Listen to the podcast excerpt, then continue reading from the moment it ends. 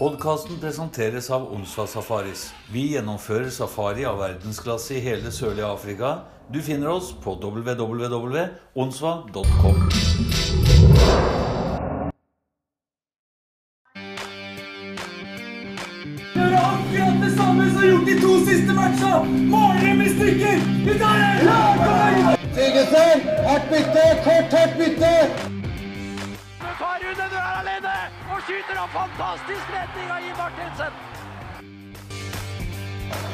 Forbanna kokos. Pucken sklir mellom beina på Jonas Nordgren og i mål. Kenneth Larsen gjør det, og så er det Vålerenga som leder 1-0.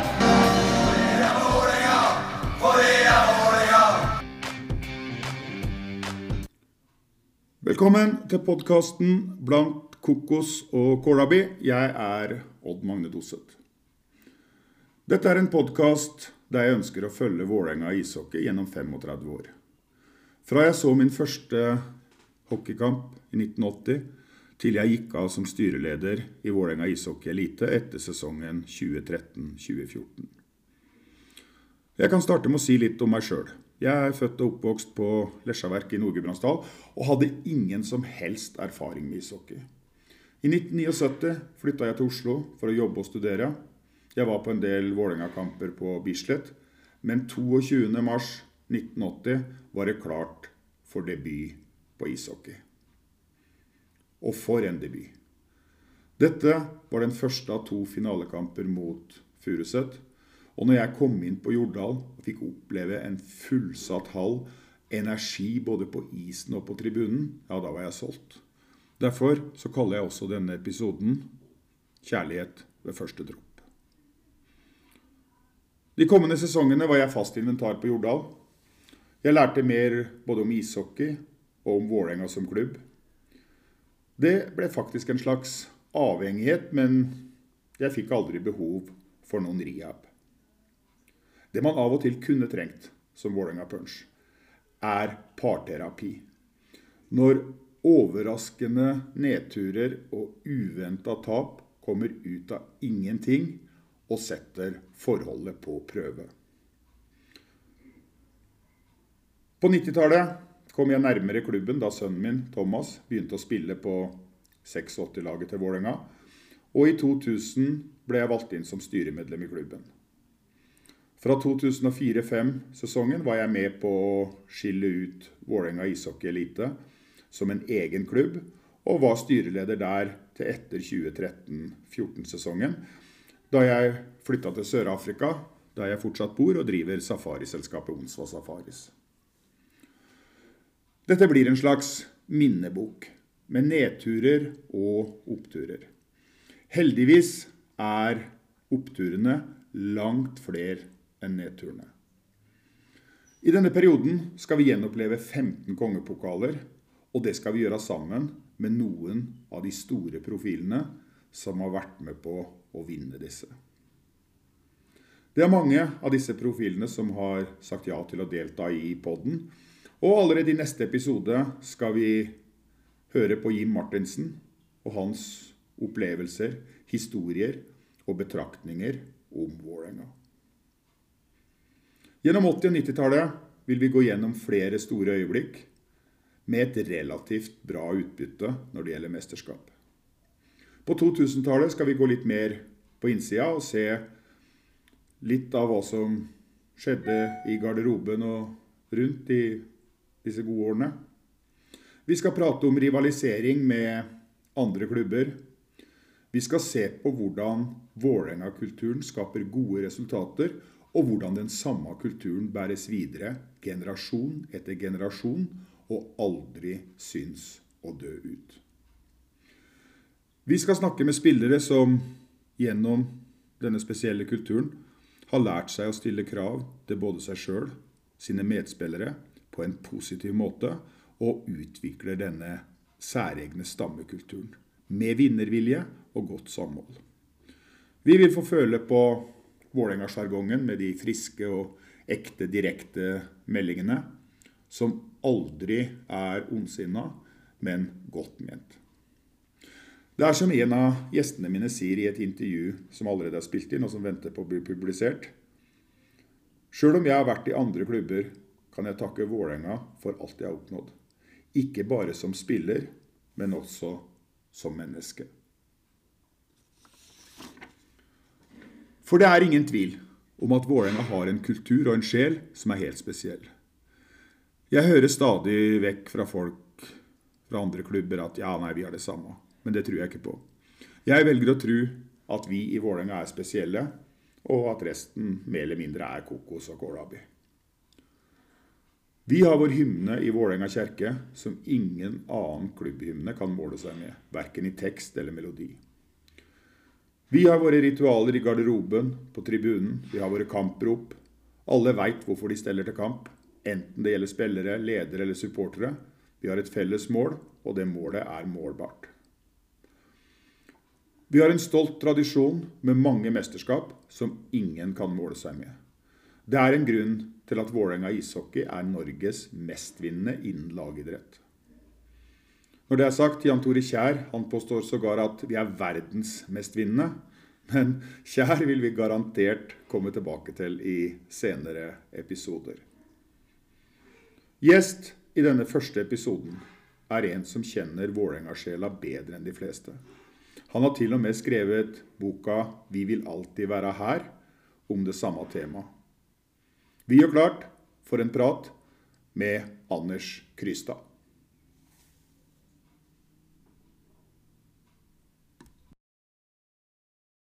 Anders Krystad, velkommen til podkast. Tusen takk skal du ha. Det er vel sånn at de veldig mange som hører på denne podkasten her, de eh, kjenner deg, og enda flere vet hvem du er. Så, men du kan jo begynne med å si litt om deg sjøl. Jeg er jo Oslo-gutt, da. Kommer egentlig fra Hellerød overfor Tveita. Og født i 1956. Så jeg begynner jo å bli godt voksen. Jeg er jo førtidspensjonist. Bor i Vietnam nå. Har jobba med fotball her nede i 18 år. Og må jo si at jeg savner hockeyen, da. Vi har fått et par isflater i landet her nå på sånne kjøpesentre. Hvor, men det er, ikke, det er ikke noen hockeyhaller eller noe sånt ennå. Men skal ikke se bort fra at det kommer noe. Det er, det er i hvert fall en viss interesse for uh, vintersport. Ja, det er bra. Nei, for du var, ved, du var, jo en av de som var mye på Jordal. Vi snakker jo nå fra 1980 og utover. Og, og det var jo Begynnelsen av 80-tallet var jo en veldig bra Vålerenga-periode når hockeylaget begynte å gjøre det bra igjen. Og, og fotballen jo, hadde jo enormt bra år. Ja, jeg er jo Jeg begynte å gå på Amfin fast som på 77-78, tenker jeg. Mm. Og var fast inventar både på fotballen og hockeyen utover til, ja, til slutten av 90-tallet. Så, men det er som du sier, den uh, perioden tidlig tidlig 80-tall var jo fotballaget gjorde jo veldig bra. De var jo liksom Norges svar på Rosenborg på den tida, og, og Vålerenga hockey var enda bedre. Men jeg husker også en del årsmøter hvor når klubbene fortsatt var samla og hadde felles økonomi. Ja, så var det litt dårlig i hockeyen det ene året og litt bra i fotballen det andre året. Og så var det full krig om penga. Det, det, var ikke, det var ikke helt uvanlig problemstilling. Og det varte jo helt fram til 1985. Når klubbene ble skilt og man fikk denne modellen med et allianseidrettslag. Ja. Og man fikk separat økonomi. Ja. Og hockeyen så var det jo Furuset som var den eh, store rivalen på, på 80-tallet. Og der var det mange interessante matcher. Ja, Det kokte. altså det er, det er, jo alltid noe med et uh, lokaloppgjør som uh, jeg for min del I fotballen så savner jeg Lyn. Det er klart det er morsomt når de rykker ned, men det er ikke noe morsomt når de ikke kommer tilbake. Altså Det der lokaloppgjørene for meg er, vil alltid ha en helt egen plass. Altså Større enn forholdet til Storhamar Sparta eller Oilers nå de siste åra. Ja. Det er det der eh, skik skikkelig lokaloppgjøret som uh, best i byen. Det, det, står veldig høyt på lista for meg. Og det er klart at med, når Botta spilte og sånn, det var, var, jo kvalitet i det Furuset-laget. altså.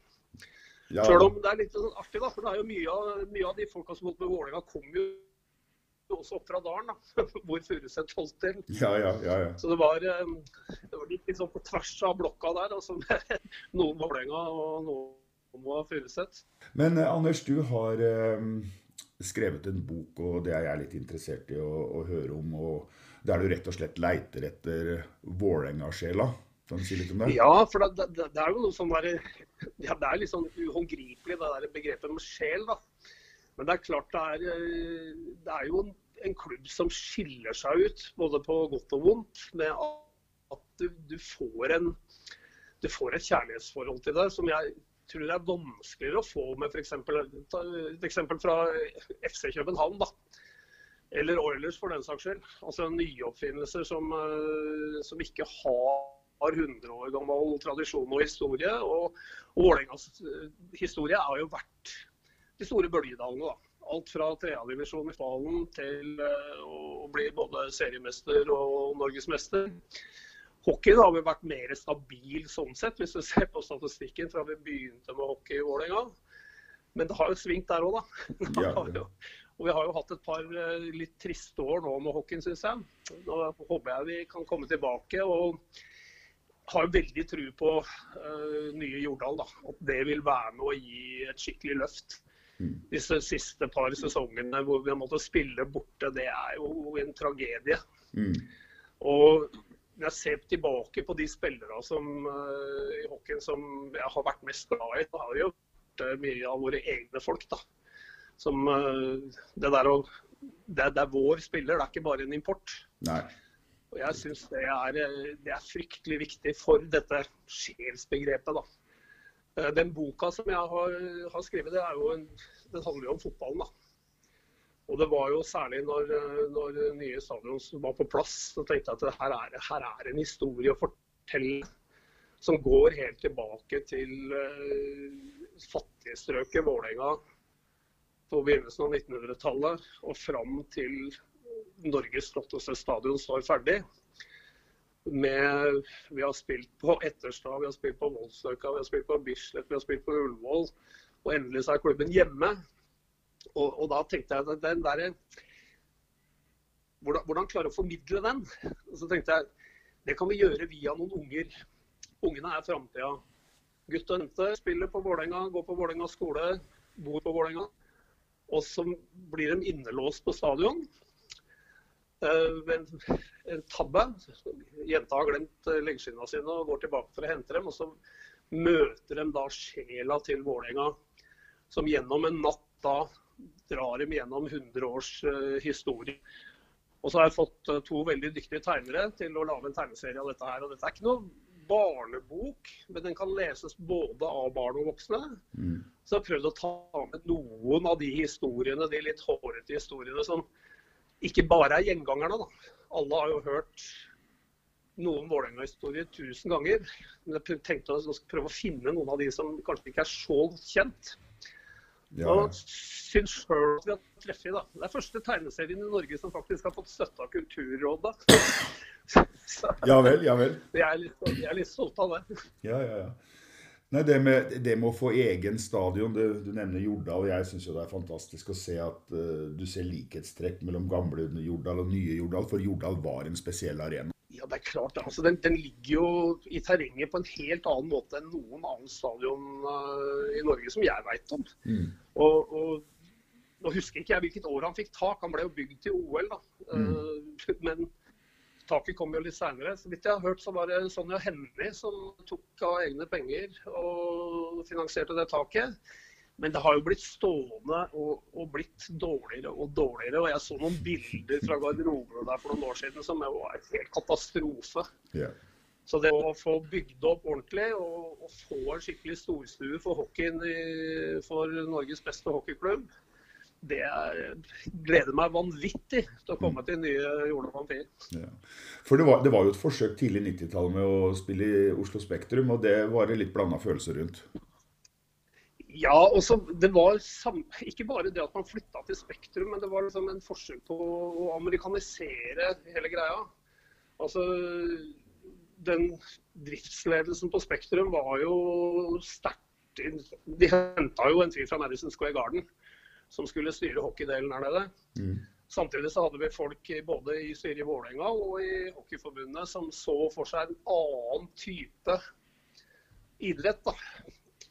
Og da kommer vi inn på noe som er ganske viktig. Uh, hvis du sammenligner fotballen i England fra 1900-tallet og utover til 60-, 70-, 80-tallet og fram til nå 2020, så er det jo milevis av forskjell. Mm. Det er blitt et helt annet type publikum. Koster mye mer. Altså, jeg kan huske fra, fra Bislett at det var nok å fly rundt på Lille Bislett og samle noen tomflasker, så hadde du råd til å kjøpe deg en billett og komme inn på Store Stå, liksom. Mm. Nå altså, koster det skjorta.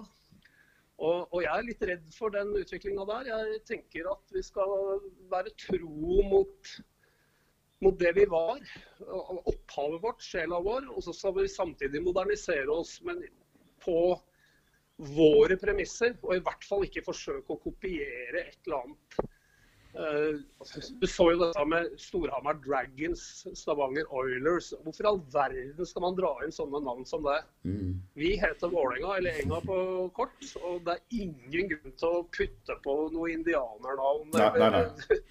På en måte så var det, det var jo flott å spille på Spektrum pga. fasilitetene, da. Uh, og selv om man sikkert kunne hatt noen mer VIP-bokser der og tjent mer penger på det konseptet også, men det, det ble en distanse, det ble en fjernhet til det som foregår på isen, hvor Jordal er noe helt annet. Du får en helt annen type nærhet. Og når man har et dedikert publikum, folk som er villige til å dø for klubben sin, hvorfor i all verden skal du da gå ut og prøve å endre det konseptet og si at nei, nå må vi ha inn pengefolka, nå må vi ha inn uh, de store kanonene. Nå må vi satse på vippen og la den der bermen i klanen få finne på noe annet. Mm. Det, var en, det, var noe jeg ikke ville være med på, i hvert fall. Ja. Dette var jo også en periode uh, Samme periode vi spilte i Spektrum, så var det jo i de årene som klanen ble stifta og formalisert. Og jeg har jo hørt rykter om at dere til og med kuppa et årsmøte for å, for komme tilbake til Jordal. Og hadde noen fighter med Det var vel Libek som var ishockeypresident den gangen? Ja, og, og dette, jeg tror dette er veldig viktig. Da. Det, var ikke, det var ikke bare klanen. Altså vi, for det første så ville vi tilbake til Amfin. Vi ville naturligvis ha en ny Amfi. Altså vi ville ha et skikkelig anlegg. Men vi var motstandere av den veien klubben var på vei inn i, denne hva skal vi si, amerikaniseringa av, eh, av, produktet. Og så fant vi ut at eh, skal vi, skal vi, nå fram her, så må vi være til stede der hvor avgjørelsene blir tatt. Og så meldte vi inn en 40-50 stykker i, i, eh, klubben i god tid før årsmøtet, sånn at vi blir, kan bli godkjent som fullverdige medlemmer. Og så gjorde vi en allianse med en del av gamlegutta. Mm. Jeg har jo hatt gode kontakter med helt opp til gubbelaget med de virkelig gamle, men også en del av de gamle Vålerenga-spillere og de som, de som, definerer seg som en del av klubben. Mm. Både som, som, jobber i frivilligapparatet, noen av dem har jo sittet i styret. Det er folk som har vært med i mange mange år, og som også ønska seg tilbake til uh, Jordal. Og klubben stilte jo mannsterke. De hadde jo henta inn styret i Hockeyforbundet, og de hadde sponsorer som sto og sa at det, det finnes ingen framtid på Amfin, de må spille i Spektrum. Men uh, der ble vi kjøttvekta, da. Vi tok det årsmøtet og gjorde et vedtak om at uh, Vålerenga ishockey spiller sine hjemmekamper i Oslo på Jordal Amfi. Og det, det, Et årsmøtevedtak er et årsmøtevedtak. Det er fortsatt sånn at norsk idrett er styrt av medlemmene og ikke av sponsorene. Det mm. burde det være sånn. Mm. Jeg må, jeg, må også, jeg må, også, si da, at vi, det var ikke bare å stille i opposisjon. Vi, vi ønska jo også et samarbeid med styret både i fotballen og hockeyen. Og etter hvert så kom det på plass, og vi hadde faste møtearenaer. Hvor vi sammen ble enige om veien videre. Og i fotballen tok vi det lengst. Der var det en skrevet samarbeidsavtale hvor en representant fra klanen hadde møterett på, på styremøtene. Og jeg tror mye bra har kommet ut av det. Mm. Det samarbeidet som har vært rundt Sjappa f.eks., og mm. seinere også nå med Bohemen og Vertshuset og Øst, mm. det er jo sprunget ut av det samarbeidet der. Ja. Samtidig så var det veldig viktig for klanen å være en uavhengig organisasjon altså hvor vi hadde, vi hadde, retten til å mene det vi ville. Samtidig som vi ønska et samarbeid med, med, den formelle delen av klubbstyret og av klubben. Og jeg syns vi har skapt noe ganske unikt i, i, Norge, både innenfor fotball og hockey, når det gjelder den typen samarbeid. Mm. De fleste klubbene jeg vet om, f.eks. i England, så er det jo full krig mellom supporterne og eier av klubben. Mm. Men som sagt, vi har en annen modell. Vi har, vi har fortsatt medlemseide klubber. I den grad det er AS-er inne, så er de på drift og eier kommersielle rettigheter. Og har naturligvis en stor tyngde da pga. økonomien. Men det er fortsatt medlemmene som bestemmer. Det er medlemmene som, er med, som, som sørger for at klubben er medlem i hockeyforbund, fotballforbund osv. Og, så og den, den, modellen er jeg villig til å slåss for. altså. Mm, mm. Ja, for, for klanen har jo hatt en veldig spesiell rolle, altså både som, i samarbeid med klubbene, men også når det går på samfunnsansvar og, og sånne type ting. Det, klanen er veldig mye bedre enn sitt eh, rykte, men det har, det har vært harde tak fram dit også. Ja og ja, da. Og det er klart at når du skal samle folk som, har, som er så ulike Altså, de har egentlig bare ett minste felles multiplum, og det er at de holder med Vålerenga. Mm. Utover det så har de ulike politiske oppfatninger. De, de har alle mulige, alle mulige, varianter av folk, for å si det sånn. Og det, det, er klart, det vi prøvde å gjøre fra starten i klanen, da, fra 91, det var jo å si OK, utgangspunktet er at vi holder med samme klubb. Hvordan blir det da med oppførsel som skader den klubben? Mm. Ja, nei, det er, det er, ikke noe logikk i det. Altså, du, du, kan på en måte ikke si at du holder med klubben, men samtidig gjøre noe som, som ødelegger for klubben. Og Det er den vi bygde videre på. Den byggesteinen der, den må ligge i bånn. Og Jeg ser jo nå at det har vært grupperinger både innad i klanen og utenfor klanen som, som har forbeholdt seg retten til å si vi gjør hva vi vil. Eh, og jeg driter i konsekvensene for klubben. og Den, den syns jeg er problematisk. Mm. Uh, særlig i fotballen så har det jo vært dette, denne diskusjonen om bruk av pyro. Mm. Og Jeg driter i hva reglene sier, jeg driter i hva klubben sier. Jeg gjør som jeg vil. Og det var den vi var veldig tydelige på i den, hvert fall den perioden hvor jeg var i klanen, at det kan du ikke. Da er du ikke fan hvis du gjør det. Vi må finne fram til løsninger som vi kan leve med, og som ikke skader klubben. Og jeg har i hvert fall prøvd å gi mitt bidrag der. Nå er det andre som driver videre, og det, sånn skal det være. Jeg valgte jo å gå inn i styret i fotballen i ja, hva blir det, 96-97. Eh, for det, da tenkte jeg at nå, nå er klanen oppe og står. Nå har jeg veldig mye mer lyst til å jobbe direkte med klubben. Klubb i forhold til krets, i forhold til forbund. Prøve å, og ikke minst fordi jeg ønska å at klubben skulle bli mer langsiktig.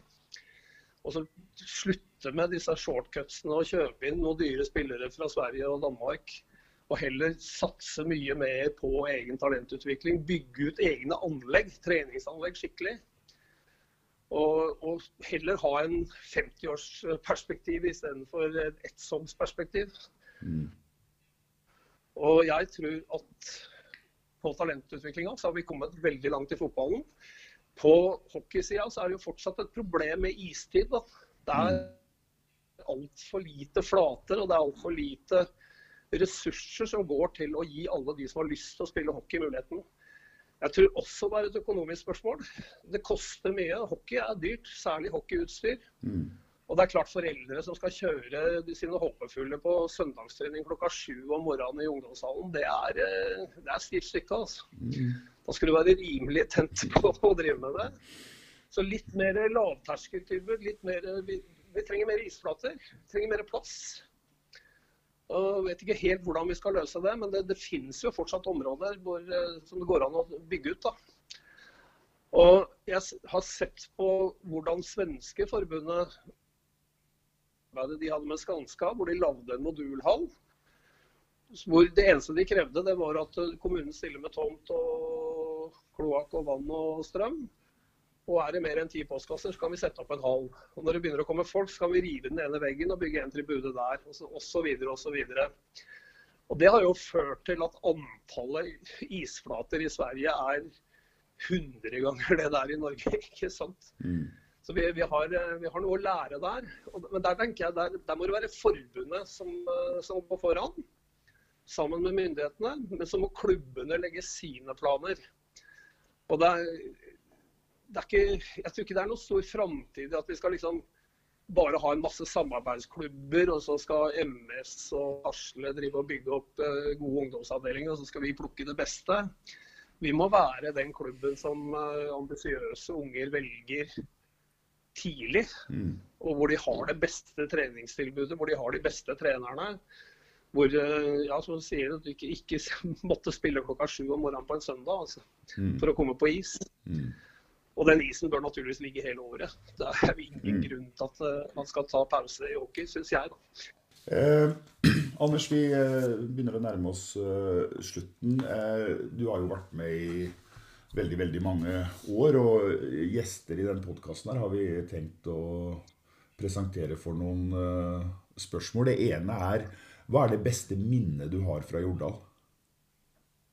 Ja, det må jo være når vi tar bøtta fra Furuset. Altså, det, er, eh, det tror jeg nok er de desiderte høydepunktene. Og jeg, kan ikke peke på ett spesielt, men jeg, jeg husker også den perioden hvor når, når Sjampo, Myggen og, og Tom og Marius eh, virkelig slo igjennom. altså den ungdomsrekka vår. Da, da var det gøy å være på, på Amfin. Altså, det, det er noe av det morsomste jeg har vært med på. Så har vi naturligvis en del hårete turer til, Østfold og til Hamar. Men eh, det største, største er nok eh, det å ta Furuset når de var på sitt beste. Og, og ta bøtta. Det, så ikke, ikke, ett, ikke ett eksempel, men eh, den perioden, da. Mm. Riktig. Men eh, i Vålerenga så er det jo Det kommer jo alltid en nedtur etter en opptur. og Har du noen minner fra Jordal som du gjerne skulle vært foruten?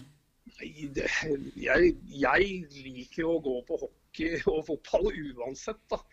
Og jeg, jeg er sånn som jeg går aldri hjem før kampen er ferdig. Øh, uansett hvor kjipt det er og hvor øh, tøft det er å stå der og, og få i maling. Men det er klart vi har noen sure tap mot Storhamar.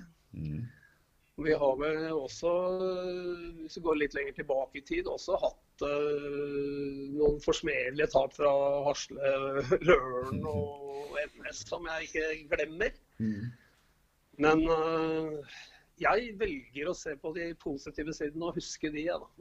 Ja, ja. Og så får vi ta de, får vi ta de tapa med fatning. Vi veit vi kommer tilbake. Det er litt, det er litt av Vålerenga-sjela, det. Nei, Det skal ikke, skal ikke være lov, men det er mulig. Det, det går jo alltid noen rykter da, når har spillere har vært og spilt uh, ulovlig gambling igjen. ikke sant? Ja, ja. ja men, Men Jeg, tror, jeg, tror, jeg tror vi har til gode å se Vålerenga-spillere med en skikkelig Vålerenga-sjel som, som tar et tap og syns det er greit. Jeg tror de syns det er forsmedelig, og de, eh, de reiser seg hjem. eh, Anders, dersom du skulle lage din egen drømmefemmer Ja, Det vil jo reflektere noen av de spillere som jeg har sett i min periode. Da. Men jeg, jeg begynner med Jimmeren i mål. Uh, Martinsen for meg er liksom en, en bauta. Selv om han hadde et par år i Trondheim, så er det tilgitt, det. altså. Og på Beck så, så kommer jeg ikke utenom Donald. Og så må jeg ta med den bekken jeg kanskje syns har vært aller best, og det er Jaromir Latal. Oppe framme så, så blir det Ilka Karna. Han syns jeg det er helt umulig å komme utenom. Og så må jeg ha med sjampo. Og da står jeg med den tredje eh, angrepsspilleren, og der blir det vanskeligere. Jeg kan liksom ikke velge mellom Tom og Stig, så da blir det å si Marius, da. Marius Rapp. Ja, ja riktig. Unge, antagelig. Det er sånn. Um, Jeg jeg, jeg, jeg, Sleiperen er jo tett oppi der. ikke sant? Altså, det, er, det er så mange som kunne vært der. Men uh, i forhold til da jeg gikk oftest og så mest, så er det de, fem, eh, nei, de seks som jeg uh, vil ta med. Ja. Nei, til, til 100-årsbanketten i Vålerenga hockey så lagde vi jo en avstemning om et 100-årslag med tre rekker og to keepere. Så Ja. kokte ned til én femmer. Og vi gjorde dette på avstemninger på nett og sånn. og ja, jeg har ikke fått så mye kjeft siden jeg gikk på barneskolen jeg, som jeg fikk den dagen. Der var det mye, ueni der var det mye uenighet. Så Det er klart det. Altså, når, du, når du ser at Vålerenga skole er den skolen i Norge som har produsert flest OL-deltakere, mm, mm. og det er naturligvis pga. hockeyen, så vet du at det har vært mange der. ikke sant? Og, og Jeg har jo aldri sett Terje Hellerud og Einar Bruno Larsen spille hockey, men jeg veit at de var bra på det òg. De var bra på bandy og håndball òg. Mm. Burde jo hatt Eikevers ærespris alle mann. Men Ja. ja. det er jo hengerne, hengerne og Bruno, de husker du liksom fra fotballen, men de, de er jo norgesmestere til og med i bandy for junior. altså. ja, jeg vet. jeg vet. Ja. Eh, Anders, skal vi avslutte med én god historie? Enten fra garderoben eller tribunen? Jeg tror, eh, jeg tror nesten at det må bli Få fortelle litt hvordan, hvordan jeg var på Jordal. Da, for at uh, klanen hadde jo feltet sitt. Og Apeberg, ikke sant, som Mm. eh, jo egentlig er en misforståelse, hele navnet, men det er nå greit. Men uh, jeg sto sammen med mine venner mye lenger bort, altså mot, uh, mot scenen. da, Og så oppe på toppen. Der hadde jeg min faste plass i mange år. Og når vi spilte mot Furuset, så satt jo de rett under oss. Og de hadde jo det der, de, de hadde jo drista seg til å kalle oss for søppel, da. Og jeg, jeg kan huske en eh, finale hvor eh, det som var av søppelkasser, eller innholdet av søppelkassene, det regna over de frustrerte. Så nei, det er harry, men eh, litt skyldig og litt moro. Jeg er ikke noen tilhenger av eh, slagsmål, men å, å kødde litt med hverandre og, herje litt med hverandre, det må være lov. Ja, ja. Så jeg, jeg, ser for meg, jeg ser for meg den plassen der. Vi var en sju, åtte, ni stykker som sto der fast. Og så i pausene så kom det flere over fra andre sida. Vi sto der og diskuterte fotballresultater fra England, og vi prata om hockey. og Det var, det var mere det var mer samling på kampen enn det var før kampen. Det der har endra seg litt. Mm, mm. Sånn som både Bislett-perioden og, og Jordal-perioden var det mer sånn at man kom på kamp, så snakka man sammen litt utafor, og så gikk man inn, og så prata man til kampen begynte, og så prata man i pausene. Nå er det mer den uh, samles på puben og, og være sammen der. Mm. Uh, greit nok det, men det, jeg husker med glede de der eh, de pausene hvor vi står og sammenligner tilskuerantall. sant? Mange hadde Chelsea hjemme i siste kamp mot Watford. ikke sant? Altså, det var viktig. Mm, mm, mm. Bill som jobba på Narvesen kom jo med de engelske avisene. De kom, han var jo førstemann som fikk tak i de. Dette var jo før internett. Så han hadde jo med seg en bunke med engelske aviser hvor vi kunne stå og sammenligne tabeller og tilskuerantall og når skåringene kom. og Ja, ja, ja, som en sosial del av matchen du er på, ja. Ja, ikke sant? Ser. Ja, ja. Ikke sant? Så, og, og et, et utrolig vennskap. da. Jeg har jo, jeg har jo kontakt med flesteparten av disse folka ennå. Vi er jo Selv om jeg bor langt unna og ikke ofte er i Norge, så er jo Facebook har jo hjulpet til litt da, å holde kontakten. Mm. Så hender det jo jeg treffer, treffer folk. Men jeg er veldig glad for at vi har fått disse sosiale møtestedene nå med Bohemen og Vertshus og Øst. da. Mm. Det er eh, fint å, å kunne treffes på, i egen stue og møte meningsfeller. Ja, nei, da er vi ferdig med en halvtime, Anders, om Vålerenga, Vålerenga-sjela, det du har opplevd. Det er kjempehyggelig å høre på deg. Du kan mye om Vålerenga og er flink til å prate for deg, så tusen takk skal du ha for at du tok deg tid til det her. Veldig bra. Prates, hei. Hei. Takk igjen til en ekte Vålerenga-gutt. Nå litt mer om podkasten. Dette skal være en positiv hyllest til en fantastisk klubb. De som leiter etter skandaler, avsløringer, personintriger, de får leite andre steder. Jeg har valgt å være positiv til Vålerenga ishockey som klubb. Jeg minner også om at dette er Vålerenga slik jeg har opplevd klubben gjennom 35 år. Det er mine betraktninger og mine vurderinger som ligger til grunn. Dersom noe oppfattes som faktafeil, kan det enten være min hukommelse eller mine vurderinger. Jeg legger også til at det ikke er meningen å sette lagene eller spillerne på 60- og 70-tallet i skyggen. Deres meritter og bidrag til Vålerenga-kulturen og til premieskapet er udiskutable. Jeg har likevel for dårlig kjennskap til å gjøre de til en vesentlig del av denne podden, men som sagt har jeg all respekt for deres prestasjoner. Supportere og frivillige skal ikke bli glemt. Jeg jobber med å avtale intervjuer både med disse, og jeg prøver også å få noen intervjuer med spillere fra andre klubber for å høre deres meninger om oss i Vålerenga.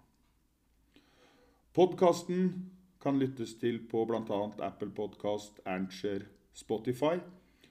Følg meg gjerne og gi anmeldelser på de ulike plattformene. Mer info finner du på www.omdoset.com. Dette var alt for i dag. I neste episode er det klart for et tilbakeblikk på tida fra 1980 og fram til Vålerengas tolvte kongepokal i 1982. Og det gjør jeg sammen med Ib Martinsen. Vi høres.